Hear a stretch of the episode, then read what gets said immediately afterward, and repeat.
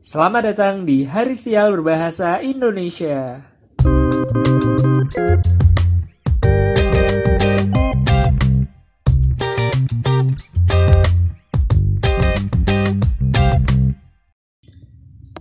Eyo, selamat hari Selasa. Buset, akhirnya gue punya opening selain selamat datang di Hari Sial. Walaupun nggak nggak improve improve amat, tapi ya udahlah ya. Dan oke okay, nggak penting. Uh, gue mau coba rubah sedikit konsepnya. Um, mau kembali kepada fitrahnya, cailah udah kayak Ramadan. Gue mau kembali ke fitrah kayak tujuan utama gue bikin podcast ini yaitu curhat-curhat mengenai banyak kejadian kejadian-kejadian di hidup gue yang gue rasa sering banget ketimpa sialan gitu kan jadi daripada gue cuma sial dan menggerutu-menggerutu buat diri sendiri doang dan akhirnya nggak baik. Uh, ya udah gue ceritain aja gitu kan siapa tahu bisa jadi konten dan gue merasa sedikit lebih produktif gitu. Dan gue tuh suka kalau misalnya gue ngerasa produktif rasanya hidup gue nggak nggak nggak tidak berguna tidak berguna amat gitu. Jadi Uh, kalau kemarin-kemarin cuma ngomongin berita-berita berita doang yang kebanyakan gak penting dan ngeselin juga uh, hari ini gue mau oplos uh, sama dari curhat sama uh, ngobrolin berita. Nah nanti kalau udah rame ini podcastnya amin. Uh, ini kalau udah rame channelnya baru gue mau buka sesi. Kenapa ngomongnya kayak festival sih ada sesi baru nanti buka uh, buat kirim kure kirim-kirim DM atau email. Nah seminggu ini ada beberapa hal yang udah gue catat nih lah ada beberapa kejadian yang gue ngerasa sial dan ada juga kejadian yang bikin gue ngerasa beruntung. Uh, kalau lo misalnya lo makan kan kalau gue makan tuh biasanya gue makan yang nggak enak dulu baru terakhir uh, yang enak-enak gitu. Jadi gue mau treat sama juga gue mau ngomongin kesialan-kesialan yang gue omongin uh, yang gue alamin dulu terus habis itu gue ngomongin uh, keberuntungan gue lah. Yang pertama gue kan kemarin nonton film ini ya Spider-Man No Way Home. Gue tuh bingung sebenarnya di Banjar tuh cuma ada satu cuma ada satu bioskop namanya Surya Cinema.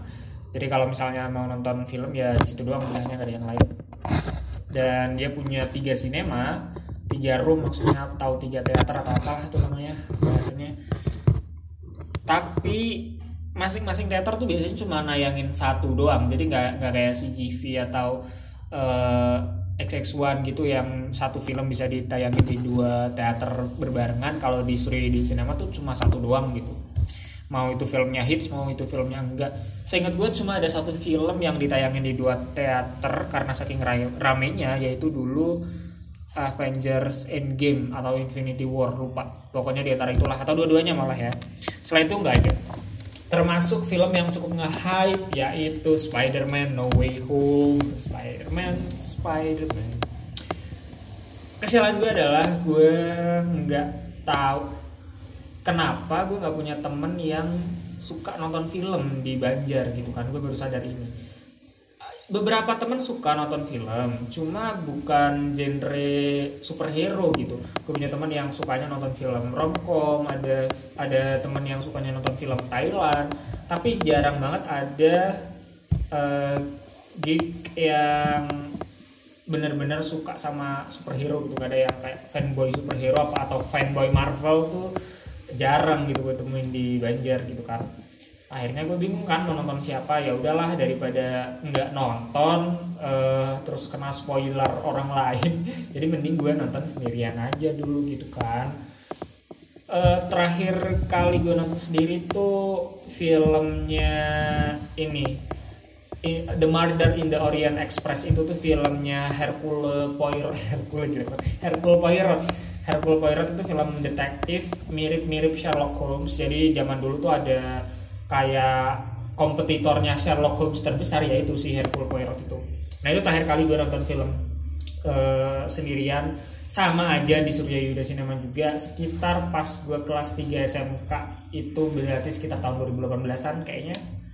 Uh, dan ini baru gue nonton uh, film sendiri lagi. Sebenarnya ekspektasi gue kayak kayak ya udah gitu kan kayak pengen me time juga karena jarang gitu kan. Jarang uh, udah jarang gitu ke mana-mana sendiri gitu kan. Nah uh, sekarang niatnya mau gue jadiin kesempatan buat gue pergi sendirian gitu. Cuma gue baru inget bahwa Spider-Man No Way Home itu tuh enggak se tidak terkenalnya filmnya Hercule Poirot Hercule lagi Hercule Poirot.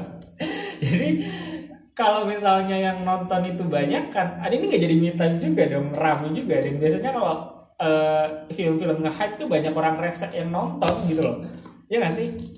Kalau dulu pas Hercule Poirot itu yang nonton bener-bener cuma lima orang. Itu aja filmnya mau gagal putar. Karena minimum orang yang nonton film untuk film itu diputar itu empat orang. Uh, dan waktu itu yang ngumpul di situ tuh baru cuma tiga orang dan itu udah mau diputar kita tuh ketolong waktu itu pas nonton Hercule Poirot tuh ketolong karena ada sepasang orang yang e, nonton filmnya gitu yang datang ke bioskopnya. Nah itu baru deh. Kalau enggak sial juga gua waktu itu. E, ujungnya sih diputar dan itu menyenangkan banget lo bayangin punya bioskop. Seolah ya emang isi berlima sih tapi ya ampun di compare sama kursi yang kosong itu banyak kan banyak banget kursi kosongnya. Dan itu menyenangin banget nonton film di bioskop kayak gitu kan awalnya gue mikir kayak eh ini Spider-Man Way Home bisa lagi nih uh, gue bikin buat me tapi pas ingat bahwa No Way Home itu nge-hype juga gue jadi agak insecure gitu kan. Kalau di Banjar kan diputernya berarti mulai tanggal berapa ya? Uh, 8 17 nggak sih? Kalau di Jogja itu kan uh, eh, 15 kalau nggak salah. Nah kalau di Banjar tuh gue lupa antara 16 atau 17 gitu. pokoknya gue nonton hari Jumat.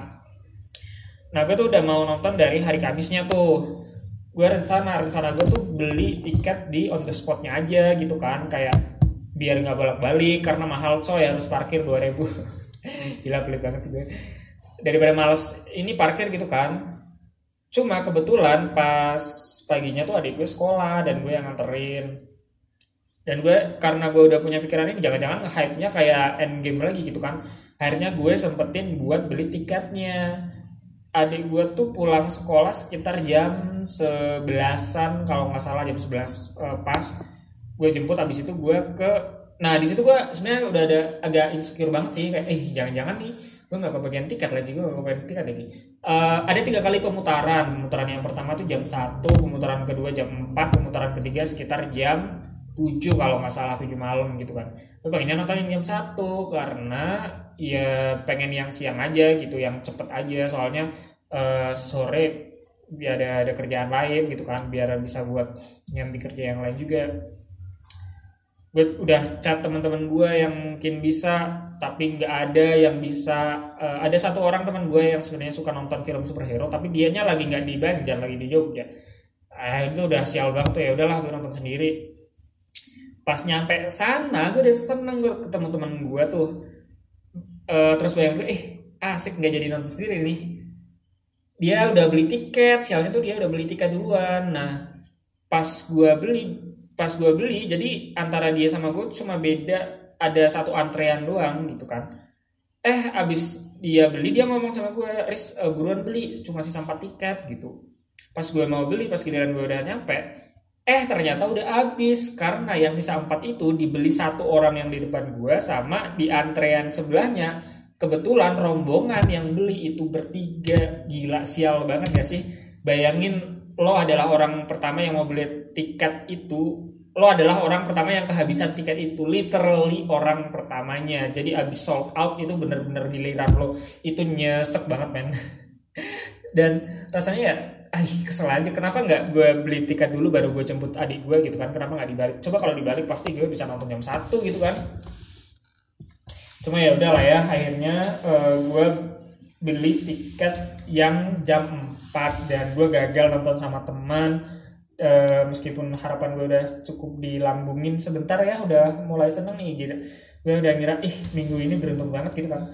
Malah dijatuhin lagi ya emang dasar ya hari sial habis itu gue nonton yang jam 4 nggak ada yang ini ini amat sih maksudnya ya ya udah sih jam 4 ya udah pasti hujan itu udah hujan. Uh, kebetulan hujannya pas gue pulang gitu jadi tapi pakai mantel nggak ada, gak ada masalah sih. Cuma pas nonton itu pas yang jam 4 itu ada kursi di samping gue tuh ada agak gak rese emang orangnya. Jadi dia tuh datangnya telat kayak di tengah film gitu kayak mungkin setelah film berjalan setengah jam mungkin lebih lebih. Karena gue inget banget gue ngecek jam itu udah setengah setengah jam setelah film berjalan. Berarti sekitar mungkin tiga, 40 menitan lah. 40 menitan film berjalan orang baru datang dan orang itu rese banget. Uh, dia kan pakai ini ya pakai HP buat center kan. HP-nya tuh bukannya diarahin ke ini malah diarahin ke tengah gitu. Jadi dia pas datang berdiri tuh di tengah-tengah itu aja udah udah ngeselin banget buat pasti gue yakin nih banyak orang yang kesel sama dia. Karena dia begitu datang dia di tengah tuh berdiri gitu loh. Kayak ngeliatin filmnya ada mungkin 10-15 detik itu kayak ngapain gitu bukannya orang udah telat bukannya langsung nyari kursinya malah berdiri dulu ngalang-ngalangin yang lain gitu kan. Habis itu eh, nah sialnya lagi nih orang itu bener-bener duduk di sebelah kanan gue persis nggak ada sekat sama sekali. Dan dia dateng mainan HP udah gitu silau banget man lo tau gak sih kalau misalnya HP HP-nya orang tua HP bapak lo HP ibu lo itu kan terang banget kan uh, brightnessnya. Itu tuh persis kayak gitu. Lama deh baru baru satu dua menit gitu baru dimatiin atau baru dikecilin brightnessnya. Udah gitu dia chattingan lagi. Eh itu ganggu banget sih kayak ngedistract karena jarak nonton atau jarak kursi intinya kualitas kursi di Suya Yuda Cinema itu kan ya beda lah ya sama uh, si dan rasanya ngedistract banget kalau ada di samping kita yang mainan HP walaupun brightnessnya udah dikecilin juga kayak selin gitu kan. Tapi ya udah sih eh, nggak uh, nggak lama sih distraksinya cuma ya agak agak ngeselin aja gitu orangnya udah itu doang sih kesialan yang gue alami kayaknya seminggu ini. Kayaknya ada kesialan lain cuma lupa gue catet mungkin mulai minggu depan gue mulai ini deh mulai rutin nyatetin kesialan-kesialan gue. Terus ada keberuntungan yang gue alami juga di minggu ini. Tapi gue nggak tahu ini keberuntungan. Oh ada satu kesialan lagi. Gue tuh mau bikin konten kan. Gue mau bikin konten 3 per 4 buat channel YouTube gue. Nah, 3 per 4 itu kan konten yang ceritanya ngomongin masalah kehidupan yang gue alamin secara general aja. Tapi emang gue konsepin ngomongnya tuh harus di tempat-tempat yang berbau alam gitu. Gue udah pernah rekaman sekali di bumi perkemahan Pagedongan itu kan alam banget kan eh, hutan hutan pinus gitu kan. Udah jadi tuh. Nah gue mau rekaman video yang kedua. Karena waktu itu konsepnya belum matang-matang amat salah satu temen gue tuh ngajakin buat pergi ke Dieng aja ke Candi Arjuna gitu kan. E, di otak gue sih mungkin siapa tahu nyambung ya siapa tahu ke Candi Arjuna masih nyambung gitu kan kayak emang gak terlalu alam tapi candi itu kan buatan manusia zaman lama gitu kan jadi kayaknya kesan alamnya tuh masih dapet vibes alam alamnya tuh kayaknya masih dapet gitu. Cuma sebenarnya gue juga gak ragu sih kayak jangan-jangan di sana rame lagi. Tapi ya udahlah ya karena ini juga konten baru dirilis jadi ya mau coba-coba dulu gitu kan. Berangkatlah gue sekitar hari apa ya gue lupa. Kayaknya hari Rabu atau mungkin Kamis ke dia. Aman tuh berangkatnya aman-aman aja. Eh nyampe sana bener banget rame pol dari dari candi yang paling utara sampai candi yang paling selatan tuh ada aja yang foto-foto uh, udah gitu ada yang mainan TikTok lagi. Bayangin gue lagi ngomongin tentang kehidupan serius-serius melo-melo gitu kan. Di belakang ada background orang yang ngedance TikTok. Nggak nyambung dong. Jadi ya gue coba udah coba ini sih putar-putar uh, sudut kameranya gitu biar nggak ngadep. Tapi nggak dapet candinya dong. Dan kalau misalnya iya nggak dapet candinya ya sama aja kan. Terus ngapain gue jauh-jauh ke sana gitu kan? Belum kelar tuh gue lagi muter-muter kamera cari angel yang terbaik eh hujan turun dengan derasnya. Biasanya tuh ya kalau hujan turun deras itu kan cepet berhenti ya. Begitu jadi sebaliknya kalau misalnya turunnya cuma kayak gerimis gerimis doang itu biasanya hujannya tuh lama gitu kan biasanya awet biasanya tuh. Eh itu udah deras awet lagi. Itu kan ada di warung itu ada sekitar dari jam 1 sampai jam 3 masih hujan dan hujannya deras banget mana baju lengan kanan gue basah terus jaket ketinggalan di motor di box motor temen gue uh, dingin banget gila dingin uh, dieng kehujanan kehujanan di dieng nggak pakai jaket itu udah udah kayak udah kayak minus berapa ya nggak tahu juga sih.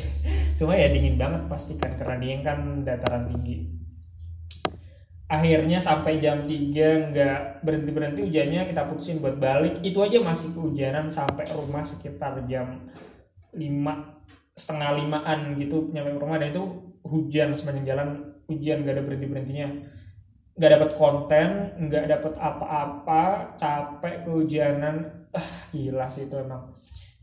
Itu sial banget sih. Cuma ya kalau apa ya. Uh, kalau sekarang gue orangnya udah bisa mulai bukannya positive thinking sih cuma kayak udah let it flow aja gitu. Karena itu sesuatu yang di luar kendali gue gitu sih saya bijak bener.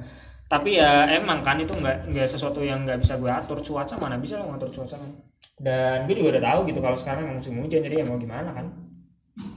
Udah gitu juga ini kan lebih ke eksplorasi siapa tahu bikin konten tiga berempat di tempat wisata tuh nyambung. Ternyata gue putusin gue simpulin enggak gitu karena di, uh, tempat wisata tuh pasti rame gak ada spot yang kosong. Kalau iya pun ada Angel take video yang bagus itu tuh juga belakangnya rame gitu. Jadi buat buat teksonnya juga jelek gitu. Nggak nggak kurang lah pokoknya lah. Uh, intinya sih nggak nyambung ya udah itu sesuatu yang gue pelajari dengan modal sekitar 20 ribu tiket masuk ke kawasan wisata sama eh, 40 ribu sorry modal 40 ribu tiket masuk makan sama bensin ya udah lah ya. Terus ada satu keberuntungan yang gue alamin minggu ini. Nah cuma gue nggak tahu ini klasifikasinya masuk ke keberuntungan atau kesialan juga. Lo tau kan uh, bahwa gue jalan bubur gitu kan di uh, eh, SPBU waktu itu pas sebelum berangkat ke Dieng gue mampir dulu buat sarapan. Cuma pas e, sarapan itu emang udah kloter terakhir gitu. Jadi porsi buburnya tuh paling nyisa sekitar 4 tan atau 5 mangkok kali gue makan. E, pas habis kebetulan bawa gue pergi ke warung sekitar eh warung-warung sebelah tuh buat beli apa nggak tahu lupa beli apaan.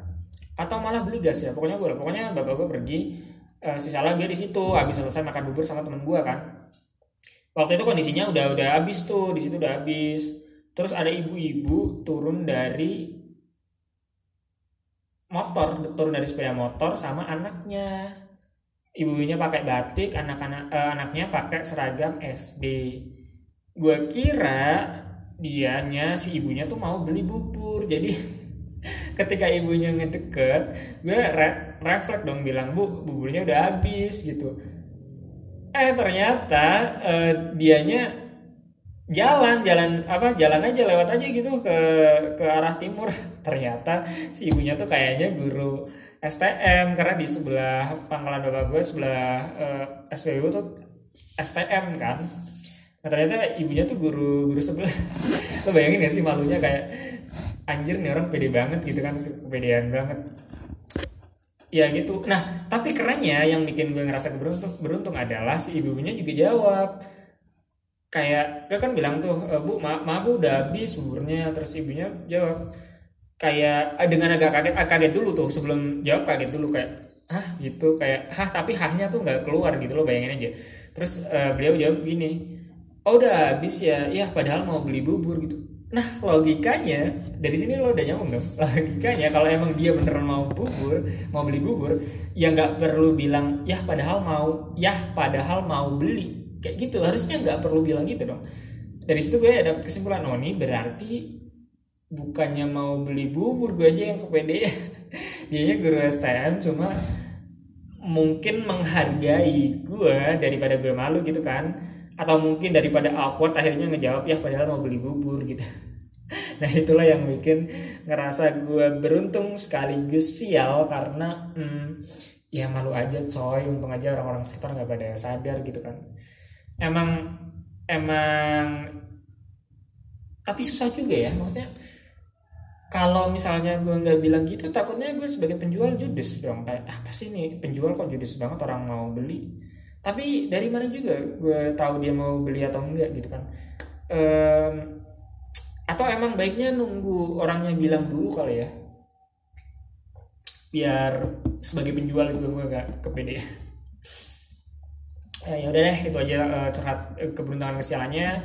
Karena ini durasinya belum ke full aduh sini ya sob famous banget sih orang gak ada yang dengerin juga durasi durasinya tapi nggak apa-apa ini namanya konsistensi uh, gue mau bacain berita di sisa 10 menit terakhir yang agak kocak juga. Ini uh, sebelum ke berita-berita yang agak aneh ini sih ada gue baca berita dari CGV. Spider-Man No Way Home berhasil jadi film debut global terbesar ketika Beuh, gila. Gue bangga banget. Um, spoiler alert ya. Spoiler alert eh tapi jangan deh gue nggak usah bahas plotnya intinya kalau misalnya lo mau penasaran dengan plotnya gue punya reviewnya di Instagram. Itu review tanpa spoiler jadi lo bisa dengerin tanpa takut kebocoran plotnya kayak apa. Atau kalau misalnya lo udah nonton dan lo pengen tahu pembahasan lebih lengkapnya gue juga bikin video YouTube-nya. Cek aja di YouTube uh, hari sial. Uh, yang udah gue bahas jadi nggak akan gue bahas di siniar kali ini episode kali ini. Gue cuma mau nanggepin beritanya aja. Uh, kalau menurut gue sih worth it nggak ya jadi yang pendapatan global terbesar ketiga setelah Infinity War dengan Endgame? Menurut gue worth it nggak worth it sih. Dibilang worth it ya konsepnya sangat-sangat mind blowing tapi uh, menurut gue dampaknya tuh nggak nggak nggak segede Infinity War atau Endgame sih. Atau mungkin fanboynya garis atau mungkin sekarang fanboy Marvel sebanyak itu kali ya fanboy dan fangirlnya sebanyak itu kali ya jadi kayak mengalahkan film-film lain. Tapi ya sebagai uh, penggemar Spider-Man walaupun gak dalam-dalam amat gue bangga juga sih dengar kabar ini. Ya keren lah uh, sukses terus deh buat No Way Home dan semoga ada film selanjutnya yang lebih jauh lebih keren lagi.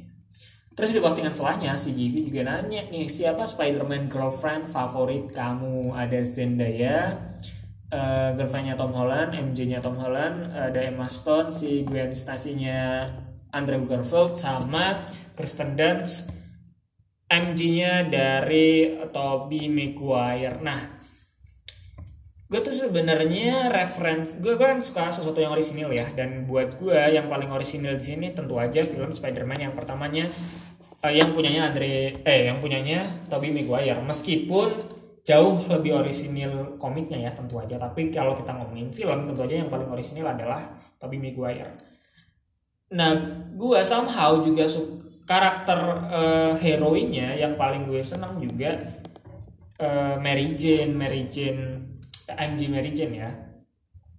Karena menurut gue ya ya keren aja cerita tentang cowok cupu yang bisa dapetin cewek populer itu buat gue menurut, uh, menurut gue keren gitu kan. Daripada ceritanya si Andrew Garfield atau Tom Holland. Karena MJ-nya Tom Holland kan nggak di portrait sebagai cewek yang populer ya maksudnya ya biasa aja. Cuma beda saja badass sama uh, lebih lebih woman empowerment gitu. Lebih feminis gitu kan. Uh, bagus sih cuma gue pribadi prefer ke ke relationship yang pertama gitu. Meskipun kalau di komik MJ emang toxic banget ya. Kayak ya lo baca aja deh komiknya tuh nanti ke potret kok gimana toksiknya si Mary Jane itu. Cuma ya itu gue pribadi sih prefer yang pertama ya kalau ditanyain si Givi terus si Givi ngepost lagi. Eh Netflix sekarang Netflix. Uh, gue lihat postingan Netflix yang kamu cuma bisa nyelamatin satu di antara empat orang. Nah di antara empat orang itu ada alinya Squid Game ada ini siapa karakternya Manihis yang cewek? Aduh gue lupa namanya. Ya itulah pokoknya uh, karakter uh, badass-nya salah satu karakter badass di Manihis yang cewek terus oh Nairobi Nairobi gue ingat Nairobi. Nairobi terus yang ketiga ada ah jusinya ah jus ah jusinya Train to Busan yang lebih kelihatan heroik daripada daripada karakter temannya ya. Karena dia udah nggak egois dari awal. Terus yang keempat ada Karube. Karubenya Alice in Borderland gitu. Nah tuh biasa gue nggak nonton belum nonton Alice in Borderland. Gue nggak tahu kenapa ya gue nggak terlalu tertarik sama Alice in Borderland. Kenapa ya? Padahal gue suka film yang vibesnya Jepangan gitu. Uh, kenapa ya? Tapi besok deh coba nonton kalau ada waktu lo Uh, tapi dari komen-komennya ya, dari komen-komennya sih kebanyakan uh, antara Nairobi, sama dan semuanya udah mati ya berarti semuanya udah mati Eh, antara Nairobi kebanyakan Nairobi terus yang kedua Ali terus yang ketiga ah jusinya Trento Busan. Kalau gue boleh milih sih menurut gue Nairobi menyelamatkan Nairobi agak terlalu gimana gitu ya. Dan menurut gue pribadi uh, no offense ya fandomnya Manihis Manihis sebenarnya nggak keren-keren amat gak sih? Karena kalau dari konsep gue kira tuh Manihis bakal jadi series yang super mind blowing dari segi perencanaannya dari segi profesornya gitu kan. Cuma pas gue tonton kok nggak nggak main blowing main blowing amat kayak gitu doang rencananya kayak mudah ketebak yang bikin keren cuma nama samarannya aja diganti kota doang selain itu strateginya ya bisa-biasa aja gitu. Apaan coba kayak bahkan salah satu strateginya itu melibatkan uh, perasaan inspektur polisinya biar jatuh cinta sama the profesor menurut gue itu sesuatu yang belum pasti. Coba kalau profesor nggak bisa bikin jatuh cinta gimana? Dan percintaan itu benar-benar nggak profesional coy dalam kejahatan. Dan gue nggak suka. Makanya itu yang bikin gue memandang Manihis sebelah mata kayak ya pasti cuma gini doang gitu kan. Kalau dari segi empati menurut gue yang patut diselamatin kalau boleh milih satu itu ke ke siapa ya? Ke Ali deh. Karena karakter developmentnya Ali tuh menurut gue lebih ngena daripada Ajusinya to Busan uh, iya Ajusinya to Busan juga kasihan cuma dia udah siap mati gitu loh. Dia udah udah siap dari awal buat kalau misalnya dia mati dan rasanya ya oke kayak gitu. Tapi Ali Ali matinya kan karena ditipu uh, si aduh siapa sih aduh gue kenapa sih kalau tiap nonton film tuh pasti selalu lupa karakternya siapa? Um, Squid Game Cast. Hmm pasti nih setiap nonton film. Apalagi kalau orang Korea orang Korea tuh susah banget. Gong Yoo aduh Gong Yoo meranin siapa lagi kan? Eh bukan Gong Yoo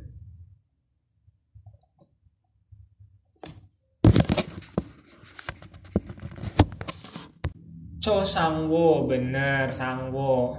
Dia kan ditipu Sangwo gitu kan bukan karena dia emang emang heroik karena tapi kita tidak bisa menyalahkan Ali juga karena di satu sisi keluarganya Ali juga lagi kayak gitu kayak mau gimana kan. Kepepet dia punya anak punya istri.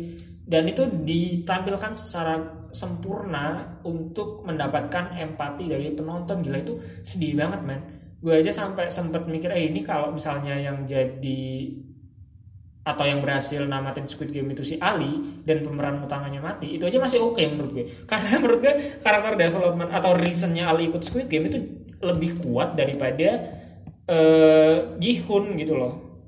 Dan menurut di mata gue sih lebih lebih menyita empati gitu.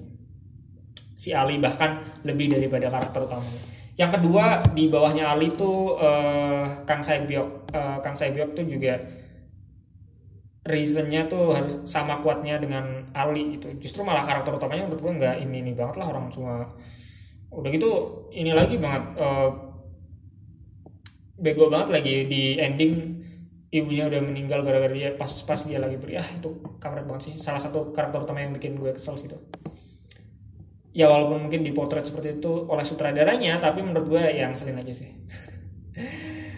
Uh, itu sih. Jadi kalau boleh nyelamatin gue mau nyelamatin Ali kasihan coy. Pria di Sulawesi pria di Sulawesi Selatan ngaku jadi joki vaksin disuntik 16 kali. Gila 16 kali dibayar Rp 800 ribu. Buset. Joki vaksin gak tuh ini dia Omicron nih. Kalau misalnya Omicron menginfeksi ini orang nih uh, minder sih gue yakin Omicronnya. 16 kali vaksin coy. Di luar sana orang-orang pada berlomba-lomba dapetin boosternya vaksin covid. Ini dia udah 16 kali. Ini udah nggak perlu booster ini mah. Banyak pekerja salah jurusan. Apa yang salah dari sistem pendidikan Indonesia? Menurut gue bukan menurut gue banyak sih banyak yang salah dari sistem pendidikan Indonesia. Mulai dari mengedepankan nilai dan ah banyak banget deh. Dan solusi alternatif yang diberikan itu nggak menyelesaikan masalah. Gue kemarin ambil rapot adik gue uh, adik gue dari kelas 1 SMP nggak pernah ada ranking sistem ranking. Menurut gue menghilangkan ranking itu tidak menyelesaikan masalah gitu loh. Gue paham yang disasar itu adalah masalah di mana uh, menurut Kementerian Pendidikan siswa itu nggak bisa di ranking karena setiap siswa itu memiliki kelebihan dan kekurangannya masing-masing. Dan ranking tidak bisa membedakan hal tersebut gitu. Itu nice point of view gue juga setuju gitu. Cuma menurut gue solusinya bukan menghapuskan rankingnya dong tapi justru adalah mempertahankan ranking tapi sekolahnya jadi lebih paham bahwa murid yang A, murid yang B itu harus dipisah. Jadi nggak bisa semuanya dinilai berdasarkan nilai matematika, tapi ada yang harus dinilai berdasarkan nilai IPS, ada yang harus dinilai berdasarkan nilai IPA. Nah kayak gitu, bukan bukan menghapus rankingnya. Kalau menghapus rankingnya, kita jadi membiasakan siswa-siswa tidak kompetitif dong dengan yang lain. Dan kalau misalnya lo nggak bisa kompetitif dengan orang lain, ya lo akan kegerus oleh zaman gitu. Karena emang pada kenyataannya dunia nyata lebih keras daripada dunia sekolahan meskipun sekolah di ranking di dunia nyata nggak cuma ranking banyak banget yang lebih keras daripada cuma sekedar ranking gitu dan kalau pertanyaannya ini kan uh, dua variabel ya. Variabel pertama adalah banyak pekerja salah jurusan. Variabel kedua apa yang salah dari sistem pendidikan Indonesia. Menurut gua kenapa banyak pekerja salah jurusan itu bukan cuma sistem pendidikannya doang yang salah, tapi sistem kerjanya juga salah. Mulai dari rekrutmen yang mengedepankan kenalan orang dalam, terus yang mengedepankan ijazah, terus sistem rekrutmennya juga sering kali nggak mengedepankan skill yang linear. Belum lagi banyaknya kasus-kasus di mana anak eksak itu bisa masuk ke anak uh, ke ranah pekerjaan anak sosum. Itu aja udah udah ini banget coy udah ya itu pasti memperbesar presentasi uh, banyaknya pekerja yang salah jurusan. Jadi kalau pertanyaannya apa yang salah dari sistem pendidikan Indonesia? Sebenarnya nggak cuma pendidikannya doang tapi sistem pekerjaannya menurut gue juga salah gitu dan kalau spesifik untuk membahas apa yang salah dari sistem pendidikan Indonesia ya banyak banget mulai dari sol, uh, mulai dari permasalahan yang tidak bersahabat dengan mental anak-anak, tidak menghargai anak-anak, tidak menghargai siswa, sampai dengan solusi yang diberikan itu tidak menyasar masalah yang sebenarnya kayak gitu loh. Ya kayak gitulah kalau ngomongin pendidikan Indonesia. Kalau ngomongin masalah Indonesia emang gak ada selesainya saya. Dan ya itu sih menurut gue. Tapi ini perlu dipertanyakan juga sih. Ketika kalau kalau kita baca beritanya kan pada awal November lalu, Menteri Pendidikan Nadiem Makarim menyatakan hanya ada maksimal 20% lulusan perguruan tinggi yang bekerja sesuai dengan program studinya. Survei lain juga menyatakan bahwa hanya 13% mahasiswa merasa mengambil program studi yang tepat. Hanya 13% mahasiswa. Oke. Nah, sampel yang disurvei ini itu punya alternatif lain nggak? Kenapa dia bisa menyebutkan bahwa dia itu salah jurusan? kalau orang tahu dia itu salah jurusan harusnya dia udah tahu dong yang benar dia yang benar tuh apa gitu jadi kalau misalnya lo ngomong nih uh, misalnya lo jurusan hubungan internasional aduh gue kayaknya salah deh di hubungan internasional gue harusnya masuk uh, ilmu tanah gitu nah itu oke okay, tapi kalau kalau lo merasa salah jurusan di ilmu hubungan internasional tapi lo juga nggak tahu mau ke mana ya itu bukan salah jurusan. Mungkin aja itu bukan salah jurusan. Mungkin itu emang lo nya aja yang enggak yang strugglingnya kurang di jurusan lo gitu loh. Jadi sebelum bilang salah jurusan pertanyakan dulu nih lo punya nggak alternatif jurusan yang lain? Kalau misalnya lo bilang bahwa jurusan lo salah gitu kalau nggak punya gue curiga nih ya bukannya susun tapi emang susun jangan-jangan emang lo nya aja kali yang kurang mempelajari lebih dalam. Dan nggak sesuai sama tujuan lo gitu. Dalam artian lo milih jurusan kuliah itu buat apa sih? Biar dapat biar gampang dapat kerjaan biar dapat kerjaan yang gajinya gede biar menghidupi passion aka hobi lo atau apa gitu. Kalau emang tujuan lo cari banyak duit dan misalnya lo pilih pekerjaan kayak arkeolog, seniman gitu ya susah dong. Kalau tujuan lo banyak duit ya mending cari kerjaan yang komersil kayak pemasaran, kayak IT, IT sekarang lagi banyak banget duitnya, terus manajemen, bisnis dan sebagainya gitu. Kalau misalnya lo tujuan lo uh, kuliah buat banyak duit tapi lo masuk jurusan seni ya mohon maaf kurang relate gitu kan. Tapi kalau tujuan lo adalah ngejar passion, ya ya kejarlah yang sesuai dengan passion lo gitu. Jadi kalau misalnya lo ngomongin passion lo passion gue adalah ngegambar. Jadi gue masuk jurusan seni murni gitu kan. Ya itu berarti tujuan lo terfulfill gitu. Tapi kalau misalnya tujuan lo buat ngefulfill passion lo di bidang gambar tapi lo masuknya matematika murni ya pasti lo akan merasa salah jurusan juga gitu loh jadi ini perlu dipertanyakan dulu nih sebelum ke bawah eh sebelum ke eksternal alias sistem pendidikannya yang udah jelas salah. Tapi tanyain dulu nih yang survei ini ngerasa salah jurusannya emang bener-bener salah jurusan atau manja aja? Nah itu perlu diselidiki sih menurut gue. No offense. Tapi ya ya gitu kan. Namanya evaluasi masa keluar doang nggak ke diri sendiri?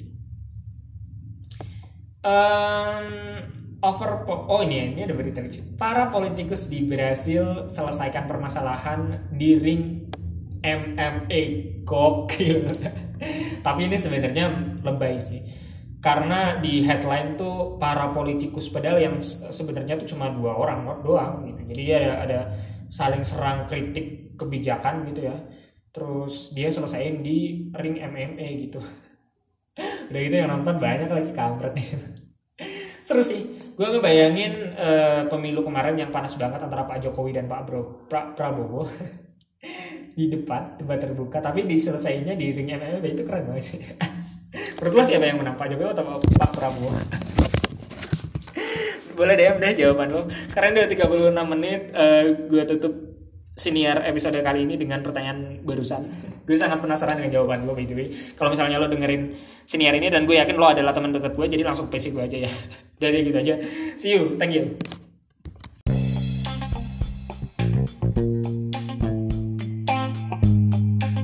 Hai, makasih ya udah dengerin asupan komedi mingguan siniar hari sial. Um, lo juga bisa kirim-kirim DM ke Instagram @harisial buat curhat-curhat atau cuma sekedar pengen gue ledekin aja nggak apa-apa. Nanti bakal gue bacain cerita lo di sini menurut POV gue ya. By the way, gue juga punya konten-konten lainnya, gue upload di Quora, Instagram, dan Youtube yang isinya tuh seputar kehidupan, komedi, gaming, traveling, dan budaya-budaya pop lainnya. Kalau lo tertarik buat lihat konten-konten itu, silahkan klik link yang ada di deskripsi senior ini. Good luck ya buat minggu ini, gue sih cuma berharap lo bisa survive aja sampai minggu depan. See you.